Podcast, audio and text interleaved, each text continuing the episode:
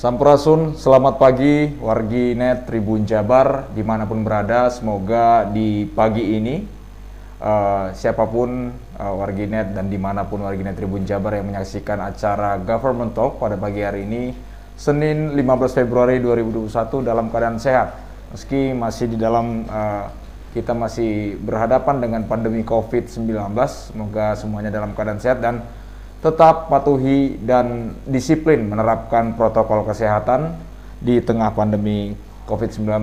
Ya, uh, Tribuners, pada pagi ini di program Government Talk Tribun Jabar, tentunya saya Daniel Andrianda Manik uh, telah uh, bersama dengan Bapak Kepala Dinas Perhubungan Kota Bandung, yaitu Bapak M. Riki. Selamat pagi, Pak. Selamat pagi. Selamat ya. pagi, uh, pendengar Hmm, ya. Di mana pun berada. Ya. Ah, baik, Tribuners, uh, di pagi ini tentunya uh, di hari yang spesial dan tentunya dengan narasumber yang cukup spesial yaitu Bapak Kepala Dinas Perhubungan Kota Bandung, kita akan berbicara dan uh, menanyakan terkait dengan apa saja dan seperti apa program Dinas Perhubungan Kota Bandung di tahun 2021. Kita nanti akan bertanya seputar seperti apa sosialisasi dari program-program yang uh, sudah dijalankan maupun yang akan dijalankan pada tahun 2021 ini. Ya, langsung saja ke uh, Pak Kadis Dinas Perhubungan Kota Bandung. Uh, saya panggil Pak Riki. Ya, baik. Ya Pak. Terkait dengan program kerja Pak, ya. program kerja dan program-program unggulan yang ada di Dinas Perhubungan Kota Bandung di tahun 2021 boleh dijabarkan apa-apa yang menjadi eh, program-program uh, unggulannya Pak Baik. di dinas. Ya. Silakan Pak. Terima kasih. Uh, pada Dinas Perhubungan Kota Bandung ini jelas tentu saja memiliki tugas pokok dan fungsi. Tugas pokok dan fungsinya uh, bahwa kita melaksanakan sebagian urusan yang menjadi kewenangan pemerintah Kota Bandung di bidang perhubungan dan melaksanakan uh, tentu saja bagian tugas yang diamanahkan dari uh, kepala daerah yang namanya wali kota Bandung. Sehingga kami uh, secara umum kami merumuskan secara fungsi merumuskan kebijakan di bidang perhubungan menyusun laporan dan evaluasi pelaksanaan di bidang perhubungan juga kemudian melaksanakan uh, program program-program kegiatan di bidang perhubungan kemudian melakukan uh, apa uh, tugas tambahan sebagian dari uh, kepala daerah dalam hal ini Pak Wali Kota Bandung. Uh, sehingga kami di tahun 2021 ini memiliki program prioritas khususnya satu pertama kami uh, sebagaimana diamanahkan dalam RPJMD bahwa memang kami memiliki indikator kinerja utamanya salah satunya adalah bagaimana masyarakat Kota Bandung ini melakukan mobilitas itu uh, kami ditargetkan sampai 2023 nanti sebanyak sekitar 23 persen hmm. masyarakat itu beralih menggunakan kendaraan umum daripada menggunakan kendaraan pribadinya sehingga memang uh, tugas inilah yang memang kita harus uh, misi inilah yang kita harus harus capai target ini sehingga kami memiliki program pengembangan sistem angkutan umum massal. Okay satu program pengembangan sistem angkutan umum berbasis jalan raya maupun berbasis rel. Ini yang kami akan jalankan oleh Dinas Perhubungan Kota Bandung. Terus kedua, uh, misi kedua adalah uh, dari indikator kinerja utama bagaimana penyebab-penyebab kemacetan ini kami uh, dari 12 penyebab kemacetan ini kami akan uh, mencari solusi uh, setiap faktor penyebab kemacetan. Salah satunya adalah uh, apa? Penyebab kemacetan adalah uh, parkir liar, Pak. Parkir liar. Parkir tidak pada tempatnya, sehingga ini kami punya program di tahun 2001 ini program pelaksanaan derek, Pak. Hmm. Karena kami mencoba bagaimana memberikan solusi obat solusi supaya efek jerah terhadap pelanggar parkir liar ini kita sudah banyak lakukan. Pertama kita kita melakukan gembok parkir, Pak. Gembok ban parkir uh, efek jerahnya belum maksimal. Hmm. Terus kemudian juga operasi OCP operasi eh, cabut pentil belum maksimal juga efek jerahnya. Mudah-mudahan dengan program kegiatan penderekan ini berdasarkan Perda nomor 3 tahun 2020. Hmm. Mudah-mudahan efek jerat terhadap pelanggaran lalu lintas dan angkutan jalan ini. Ya. uh, lebih maksimal sehingga timbul kesadaran uh, kesadaran disiplin berlalu lintas uh, di masyarakat Kota Bandung. Program selanjutnya adalah uh, bagaimana kami nanti menata mengelola parkir dengan baik. Kami sudah membentuk uh, Badan Layanan Umum Daerah UPT Parkir lembaganya dan kami akan uh, maksimalkan uh, manajemen pengelolaannya hmm. di sektor perparkiran di, di, perparkiran yang memang kita kelola di pinggir parkir di jalan dan parkir tempat khusus parkir. Okay. Ini kita akan akan kita maksimalkan juga pelaksanaan pengelolaannya sehingga eh, target-target uh, kinerja yang diharapkan bisa tercapai. Terus kemudian uh, kami ada uh, program uh, yang tidak kalah pentingnya adalah uh, di tahun 2001 ini pelaksanaan uh, daripada uh, apa pelaksanaan Blue E Pak Blue E yang pernah kita laksanakan jadi Blue itu uh, singkatan dari mana? Bukti lulus uji elektronik yang sudah kita launching, uh, sudah kita laksanakan di tahun kemarin di 2020, sehingga bagaimana memaksimalkan pelayanannya di Blue E, pelaksanaan Blue E uh, pengujian kendaraan motor di Kota Bandung ini di tahun 2001 ini mudah-mudahan bisa berjalan secara maksimal. Uh, jadi uh, pada prinsipnya uh, bahwa kami harus terus mensosialisasikan uh, pelaksanaan Blue ini uh, bukti lulus uji elektronik yang memang ini kita coba untuk uh, selalu kita apa uh, sosialisasikan. Dulu buku uji lama itu berbentuk uh, barang kuasi. Barang kuasi ini buku uji tanda uji tanda samping itu emang uh, bukti lusi telah uh, apa kita beralih menjadi Blue E diberikan uh, Blue E ini semacam pengesahan digital Pak. Okay. Digital design kemudian diberikan SAM secure akses modul kemudian kemudian diberikan otoritas yang harus dipertanggungjawabkan. Artinya nanti uh, pelayanan prima inilah bagaimana pelayanan sepenuh hati dan prima ini terhadap pelaksanaan ujian kendaraan motor ini dengan sistem online seperti ini otomatis uh, akan mempermudah pelayanan dan akan memberikan akuntabilitas atau transparansi yang lebih lebih terbuka atau lebih lebih terang benderang lah kepada ya. masyarakat bahwa kita memberikan pelayanan publik yang baik. Jadi pelayanan publik hadir di Dinas Perhubungan Kota Bandung untuk pelaksanaan pengujian uh, pengujian kendaraan ini uh, dengan baik. Nah, di samping itu juga uh, ini akan nanti akan dilanjutkan sosialisasinya oleh bidang perencanaan perencanaan, perencanaan dan pembinaan transportasi. Oh. uh, berkelanjutan masalah sosialisasi pelaksanaan dua ini. Terus kemudian program yang terakhir dari uh, bukan terakhir sih program yang memang unggulan dari Jadi unggulan dari unggulan dari so, dinas perhubungan Kota Bandung. Uh, bagaimana kita juga mengembangkan uh, badan layanan umum daerah angkutan. Okay UPT angkutan yang dipunya oleh uh, apa Desa Dinas Perhubungan Kota Bandung, bagaimana meningkatkan pelayanan BRT, Transmeter Bandung Bis, ya. bagaimana meningkatkan pelayanan bandros, bis bandros, kemudian juga meningkatkan bis sekolah pelayanannya, kemudian juga meningkatkan pelayanan uh, back sharing, ya. nah, dengan ekotransportnya, dengan dengan coba mensosialisasikan bagaimana pelaksanaan uh, mobilitas dengan menggunakan sepeda.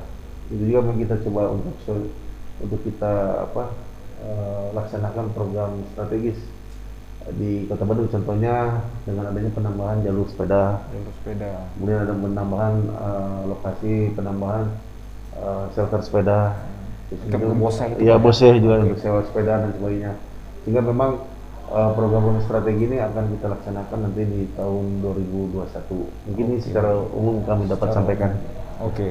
Ya, uh, menarik sekali Tribuners bahwa di tahun 2021 ini program-program dari Dinas Perhubungan Kota Bandung cukup uh, cukup banyak dan memiliki varian-varian yang menarik. Jadi uh, yang bisa kami catat tadi pada target di 2023 adalah uh, bagaimana masyarakat khususnya di Kota Bandung ini bisa beralih ke transportasi umum ya Pak ya. Dengan catatan transportasi umum harus diperbaiki dulu. Harus diperbaiki dan uh, ini tentunya menjadi tugas bersama tidak hanya dari Dinas Perhubungan bisa masyarakat juga harus mendukung Iya, Pak ya. betul. Seperti apa uh, masyarakat harus menggunakan transportasi umum di tahun 2023 menjadi targetnya. Dan ada juga disampaikan oleh Pak Kepala Dinas tadi terkait dengan uh, penyebab-penyebab kemacetan dan upaya-upaya yang dilakukan oleh Dinas Perhubungan Kota Bandung untuk uh, mengurangi uh, angka kemacetan yang ada di Kota Bandung. Salah satu penyebab kemacetan yang ada di Kota Bandung menurut Pak Kadis tadi ialah uh, parkir liar, Pak ya. Pak, ini menarik Pak terkait dengan parkir liar tadi. Nah, uh, efek jera, pencabutan pentil ban dan sebagainya uh, Bapak Kurang sampaikan tadi maksimal. kurang maksimal. Nah, eh, seperti apa Pak sebenarnya yang yang eh, secara tadi eh, rencananya akan dilakukan derek? Apakah ada juga nanti denda secara eh, uang tunai dan sebagainya Pak yang akan dilakukan dari dinas perhubungan? Yang ya baik, yang telah kita sosialisasikan di tahun 2020 kemarin, Ya. memang ini masalah penderekan tentu saja ada sanksi administrasi denda nama ini. Untuk roda 2 itu sebesar 250.000 ribu, roda 4 itu 750.000 ribu. Belum nanti biaya penginapannya Pak. Baik inap kendaraan juga ada lagi, tidak salah ya. Eh, nanti eh, ada penambahan lagi biaya tersebut. Nanti nominalnya saya eh, coba apa, ing- me- apa kalau kurang kalau tidak salah menambah lagi sekitar 150 ya Pak ya. 150 150. Nanti data yang eh, nanti data yang, yang Terperinci. pastinya ya, terperinci Ya. nanti saya akan sampaikan. Oke. Eh, tapi intinya bahwa mudah-mudahan dengan adanya pelaksanaan derek ini akan memberikan efek jerah yang maksimal Pak. Ya. Gitu. Berarti menimbulkan kesadaran kepada masyarakat untuk tidak lagi melakukan eh, parkir liar di se- sembarang tempat. Gitu. Iya. Oke, baik, Pak. Ini sebelum kita beralih ke eh, Pak Kabit Perencanaan dan Pembinaan Transportasi Kota eh, Dinas Perhubungan Kota Bandung, mungkin eh, di tengah pandemi ini, Pak, Dinas Perhubungan merupakan salah satu dinas ya atau instansi yang eh, sangat sangat eh, tidak tidak memungkinkan untuk bekerja dari rumah. Para petugas harus di lapangan bertemu langsung dengan masyarakat. Apa yang menjadi pesan-pesan dari Pak Kadis buat eh, mungkin eh, staff dan sebagainya yang harus memang ke lapangan ber- bertemu dengan masyarakat secara langsung. Apa Pak nih pesan-pesan kepada anggota maupun kepada masyarakat Pak yang masih saat ini ada yang cuek, ada yang mengikuti protokol kesehatan dan sebagainya Pak. Silakan Pak. Baik, untuk jajaran personel kami tentu saja kami eh, sudah melakukan eh, testing ya. Eh, eh, dalam hal ini kami sudah cek personel kami Pak. Siap. Sudah juga memang Alhamdulillah walaupun Bapak bilang tadi sering di lapangan, sering ketemu masyarakat, tapi Alhamdulillah memang ini bisa diminimais lah tidak Oke. tidak ada sama sekali Baik, jadi klaster di, di, di kantor dinas perhubungan kota Bandung. Baik. Tapi itu Pak. Kedua eh, bahwa kita juga tetap menghimbau kepada eh, personel kami tetap menggunakan eh, standar maksimal prokes protokol kesehatan. Protokol kesehatan. Jadi dalam bertugas harus menggunakan masker, jangan lupa cuci tangan dengan dengan sabun sabun uh, antiseptik dan dan dan cuci dengan air bersih, kemudian juga jaga jarak, hindari keramaian, terus kemudian juga hindari mobilitas keluar kota atau Hindari perjalanan dinas mobilitas. keluar. Itu sudah kita larang. Ya. Terus kemudian juga kami dinas perhubungan juga uh, menerapkan WFA ya. Ya. WFA juga di sebesar 50% Pak Oke. sehingga untuk apa me- Meminimalisir apa, penyebaran Penyebaran. daripada pandemi COVID-19 ini. Terus kemudian juga kami menghimbau kepada masyarakat juga karena memang kami juga harus menerapkan protokol kesehatan di tempat-tempat strategis yang kami kelola Pak. Ya. Contohnya di terminal dan subterminal itu pun standar eh, protokol kesehatan kita eh, laksanakan. Contoh memang di terminal panjang di Cicahem Ya. ada wastafel untuk cuci tangan, kemudian juga ada suhu, eh, ada apa, termogan, check up suhu juga, kemudian ada pos kesehatan di sana, ada bekerjasama dengan puskesmas, terus kemudian juga melakukan rapid antigen juga setiap penumpang yang akan berangkat di terminal panjang di Cicahem, Eh, sehingga memang kami terapkan Pak, kita semprot dispektannya, eh, angkutan umumnya baik berangkat maupun sudah digunakan oleh uh, penumpang baik di dalam mobil maupun di luar mobil. Baik. Kemudian juga kami uh, setiap seluruh kendaraan bermotor wajib uji baik itu barang maupun penumpang kami semprot di inspektan sebelum melakukan pengujian kendaraan motor di bidang PPT nanti. PPT. Ya, bahwa sebelum masuk ke gedung pengujian kendaraan motor itu angkutan barang dan angkutan penumpang yang wajib uji itu kita semprot pak. Sehingga petugas pada saat memeriksa kendaraan tidak tidak apa uh, tidak tertular dengan uh, penyebaran COVID-19 ini. Oke. Okay. Jadi uh, himbauan saya kepada masyarakat tetap tidak bosan-bosannya tetap patuh dan disiplin uh, terhadap protokol kesehatan yang dianjurkan oleh pemerintah karena pemerintah juga dengan satuan tugas COVID-19 ini uh, terus berupaya maksimal tugas melaksanakan tugasnya tetapi mungkin kontribusi terbesar tetap ada kesadaran masyarakat, masyarakat ya, untuk membantu kita supaya tetap menerapkan protokol kesehatan ini jadi uh, petugas uh, kita hanya sifatnya mengedukasi, menghimbau, sosialisasi, termasuk penegakan hukum dan sebagainya, tapi tetap uh, yang kita harapkan adalah munculnya kesadaran masyarakat supaya tetap menerap, tidak bosan-bosannya tetap menerapkan protokol kesehatan dan melakukan aktivitas sehari-hari di Kota Bandung. Oke, baik. Ya, demikian uh, Tribuners uh, perbincangan kita dengan Bapak Kepala Dinas Perhubungan Kota Bandung, Bapak EM Riki terkait dengan uh, sosialisasi program-program unggulan yang ada di Dinas Perhubungan Kota Bandung. Ya, uh, sebentar lagi kita akan uh, melanjutkan perbincangan kita dengan uh, personil dari Dinas Perhubungan Kota Bandung, yaitu Bapak Asep selaku Kabit Perencanaan dan Pembinaan Transportasi Dinas Perhubungan Kota Bandung. Terima kasih untuk Sama -sama, waktunya Bapak Kadisub uh, Kota Bandung tetap sehat selalu. Amin, amin. Dan semoga program-program unggulan-unggulan ini bisa terlaksana dan didukung masyarakat, Pak. Amin. Siap. Terima kasih banyak, Terima kasih. Pak. Siap. Oke, Pak. Pak, Pak. Ya, makasih. Pak.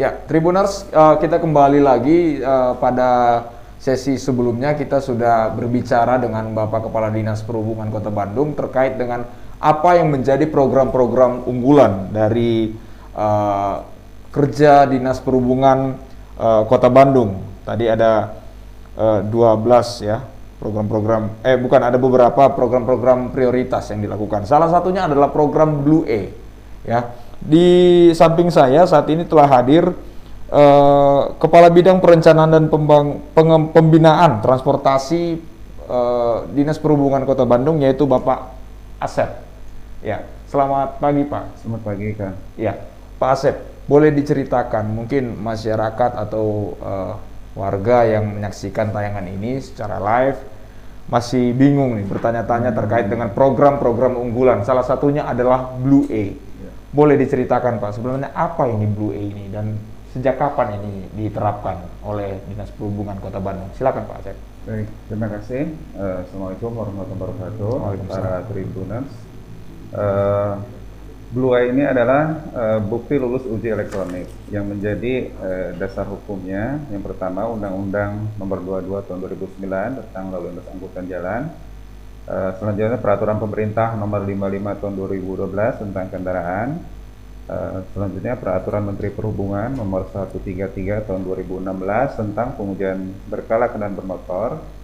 Dan ada Peraturan Dirjen Perhubungan Darat nomor 2874 garis miring AJ 402 garis miring DRJ DRJD garis miring 2017 tentang pedoman teknis lulus uh, lulus uji berkelas kendaraan bermotor di mana di per Perdirjen ini uh, bahwa bukti lulus uji berkala berpindah dari bukti lulus uji konvensional yaitu okay. berupa buku uji, tanda uji dan uh, apa tanda samping berubah menjadi uh, bukti lulus uji elektronik. Ini berupa kartu uji, sertifikat, dan hologram.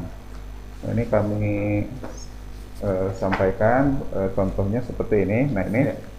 Ini Tribunus, ini bukti lulus uji kartu uji elektroniknya, smart card. Jadi kenapa smart card? Karena ini bisa menyimpan data hmm. dan bisa di scan, ada barcode-nya, nanti muncul di smartphone. Di smartphone. Ya data kendaraannya ini uh, hologramnya yang kuning hologramnya ini ditempel di uh, kaca depan hmm. bagian kiri dan ini sertifikatnya jadi muncul ini data foto kendaraannya tampak depan tampak samping tampak belakang dan uh, dimensi dari kendaraan tersebut okay. yeah. nah ini dengan uh, Blue A ini uh, kendaraan dapat dipantau di beberapa titik baik itu di terminal di jembatan timbang terus di unit pelayanan pengujian kota, kabupaten maupun provinsi dapat dipantau. Baik. Uh, itu. Oke. Okay. Ya, baik. Terima kasih sudah disampaikan oleh Bapak Asep terkait dengan apa uh, yang penjelasan tentang Blue A ini ya. ya. Oke, okay. Pak Asep. Uh, berapa lama Pak ini masa berlaku dari uh, proses dokumentasi ini terhadap satu kendaraan dan ya. kendaraan-kendaraan apa saja yang yang yang harus uh, mengurus ya, ya secara sederhana mengurus untuk uh, mendapatkan dokumen-dokumen uh, ini. Ya. ya, silakan Pak. Uh, waktu berlaku uji kendaraan ini enam bulan, ya. jadi setiap enam bulan harus diperpanjang. Uh, dan ada sesuai dasar hukum ya Perda nomor 3 tahun 2020 bahwa eh, kendaraan umum itu yang beroperasi di jalan harus eh, melakukan eh, pengujian berkala.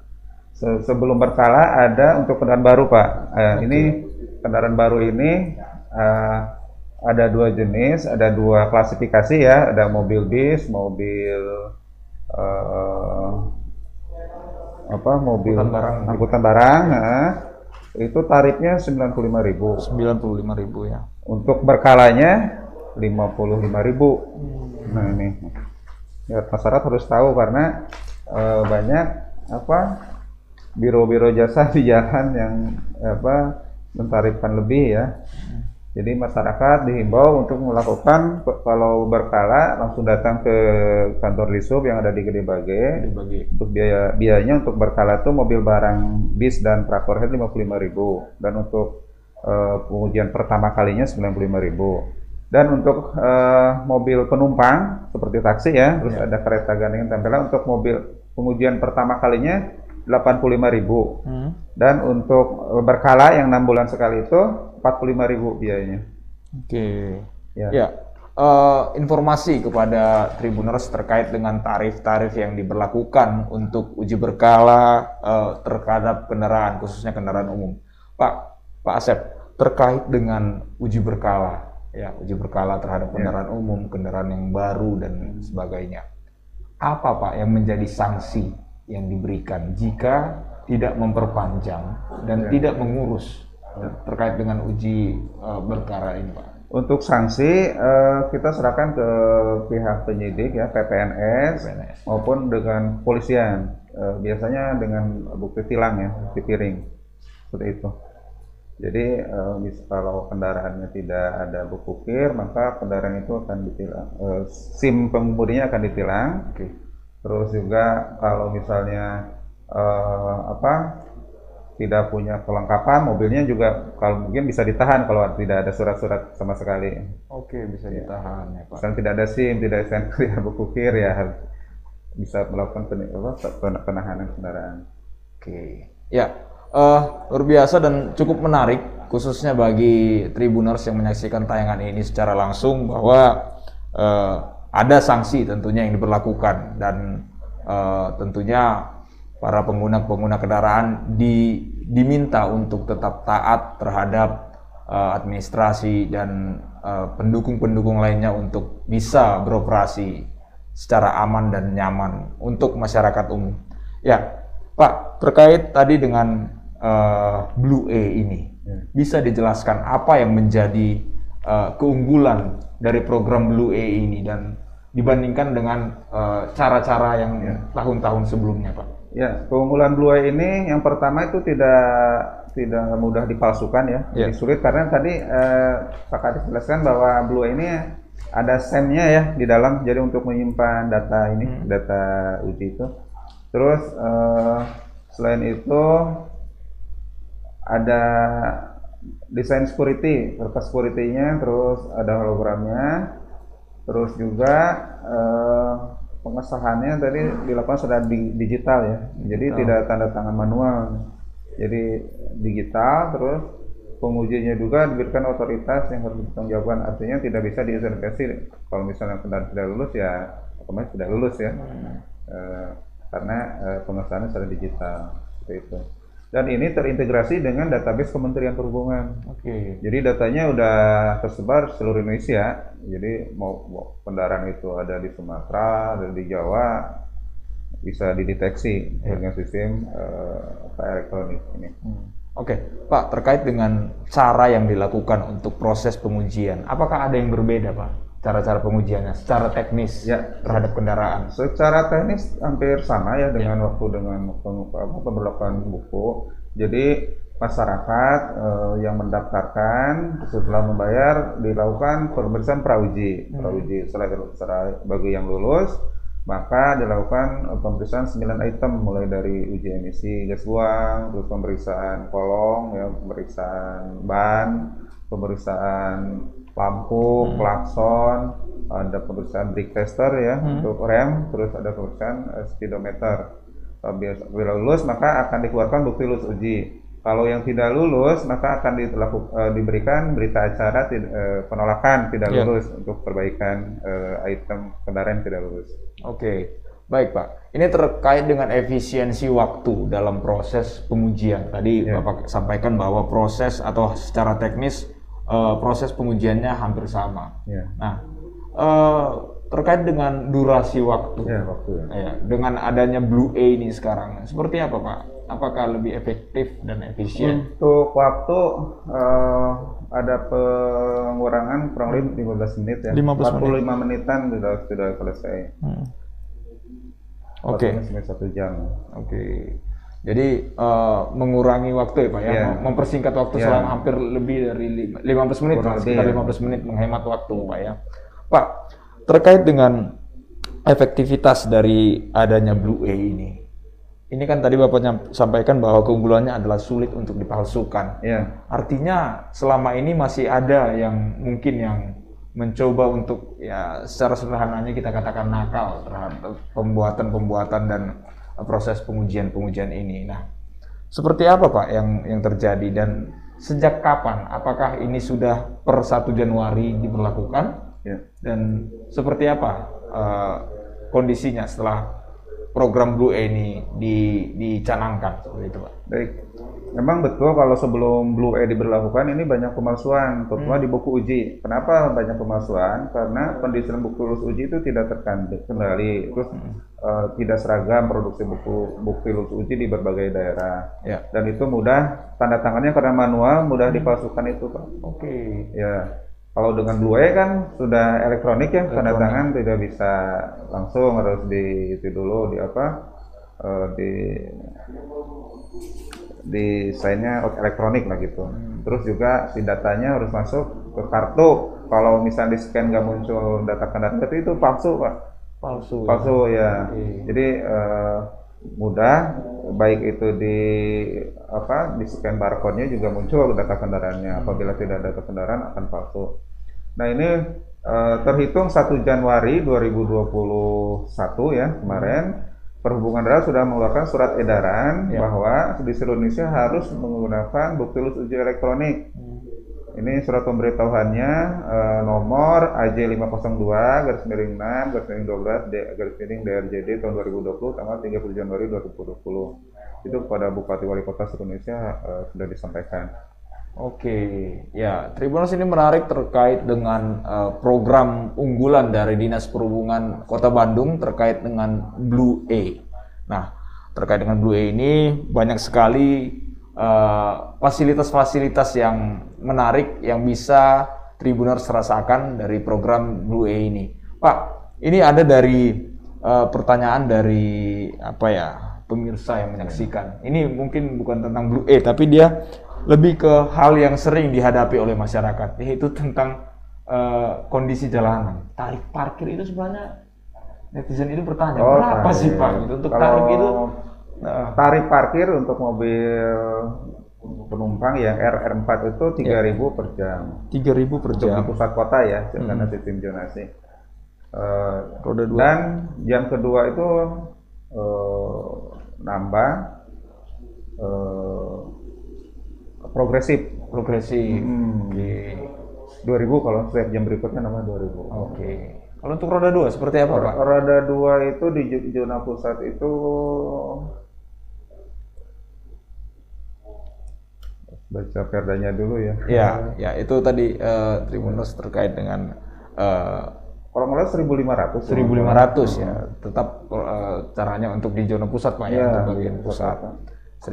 1500. Jadi eh, untuk Orginet Tribun Jabar yang menyaksikan yang tadi juga bertanya terkait dengan parkir ini bisa eh, mengetahui dan bisa juga membaca itu semua aturan-aturan juga secara jelas Pak ya di, dituliskan dalam eh, undang-undang dan perda.